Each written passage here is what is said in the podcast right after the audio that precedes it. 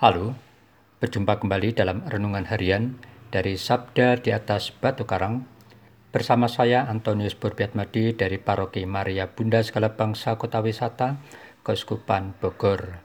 Saudara-saudari yang terkasih, hari ini Senin tanggal 7 Maret adalah hari Prapaskah pekan pertama. Hari ini gereja memperingati Santa Perpetua dan Felicitas, seorang pengaku iman. Tema renungan kita hari ini, kasih itu dasar kebahagiaan kekal.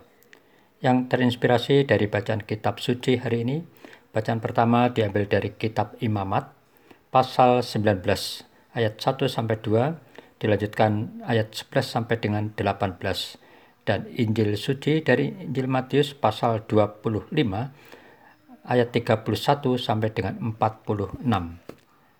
Mari kita siapkan hati untuk mendengarkan sabda Tuhan.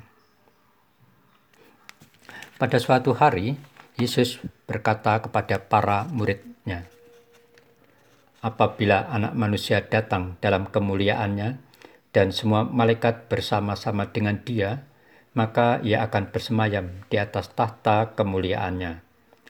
Lalu semua bangsa akan dikumpulkan di hadapannya, dan ia akan memisahkan mereka seorang daripada seorang, sama seperti gembala memisahkan domba dari kambing. Dan ia akan menempatkan domba-domba di sebelah kanannya dan kambing-kambing di sebelah kirinya. Dan raja itu akan berkata kepada mereka yang di sebelah kanannya, Mari, hai kamu yang diberkati oleh Bapakku, terimalah kerajaan yang telah kusediakan bagimu sejak dunia dijadikan. Sebab ketika aku lapar, kamu memberi aku makan. Ketika aku haus, kamu memberi aku minum. Ketika aku seorang asing, kamu memberi aku tumpangan. Ketika aku telanjang, kamu memberi aku pakaian. Ketika aku sakit, kamu melawat aku. Ketika aku di dalam penjara, kamu mengunjungi aku. Maka orang-orang benar itu akan menjawab dia katanya, Tuhan, bila manakah kami melihat engkau lapar dan kami memberi engkau makan, atau haus dan kami memberi engkau minum? Bila manakah kami melihat engkau sebagai orang asing dan kami memberi engkau tumpangan, atau telanjang dan kami memberi engkau pakaian? Bila manakah kami melihat engkau sakit atau dalam penjara dan kami mengunjungi engkau? Dan raja itu akan menjawab mereka, Aku berkata kepadamu, sesungguhnya segala sesuatu yang kamu lakukan untuk salah seorang dari saudaraku yang paling hina ini, kamu telah melakukannya untuk aku. Dan ia akan berkata juga kepada mereka yang di sebelah kirinya, Enyahlah dari hadapanku, hei kamu orang-orang terkutuk, enyahlah ke dalam api yang kekal yang telah disediakan untuk iblis dan malaikat-malaikatnya.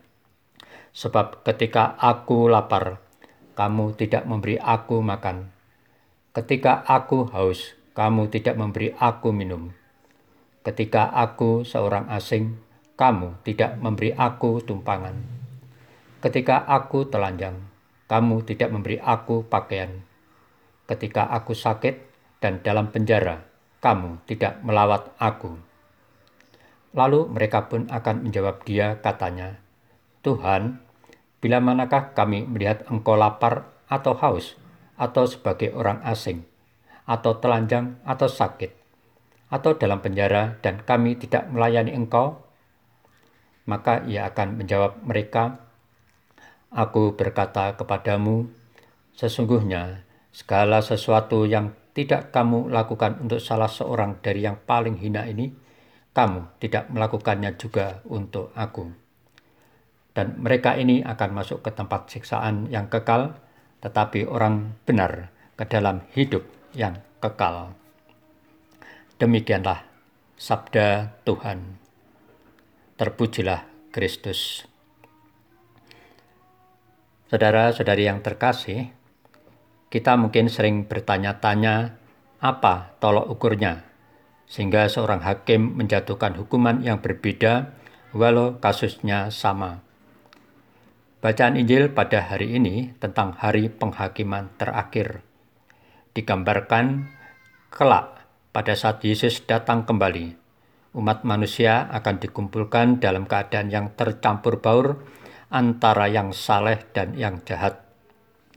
Pada saat itu, Tuhan akan memisahkan manusia ke dalam kelompok yang baik dan yang jahat, lalu menghakimi kita untuk memberi kita ganjaran hidup kekal bersamanya atau hukuman kesengsaraan kekal. Lalu apa ukuran Tuhan untuk menentukan kita masuk ke tempat kebahagiaan abadi atau kesengsaraan kekal? Saudara-saudari yang terkasih, Tuhan hari ini dengan jelas menyatakan ketetapannya untuk kita ketahui bersama bahwa jika kita mau masuk ke dalam tempat kebahagiaan abadi bersama Tuhan, ukurannya adalah perbuatan kasih dan kebaikan yang kita lakukan terhadap mereka yang dalam Kristus mengalami penderitaan. Tindakan peduli dan berbuat kasih terhadap mereka yang menderita adalah ungkapan iman yang nyata. Jadi, pelayanan kasih bagi mereka yang lapar, sakit, haus, menderita, terpinggirkan, dan sebagainya yang kita lakukan dengan penuh ketulusan hati dan kasih adalah tolok ukur yang dipakai Tuhan bagi nasib kita kelak.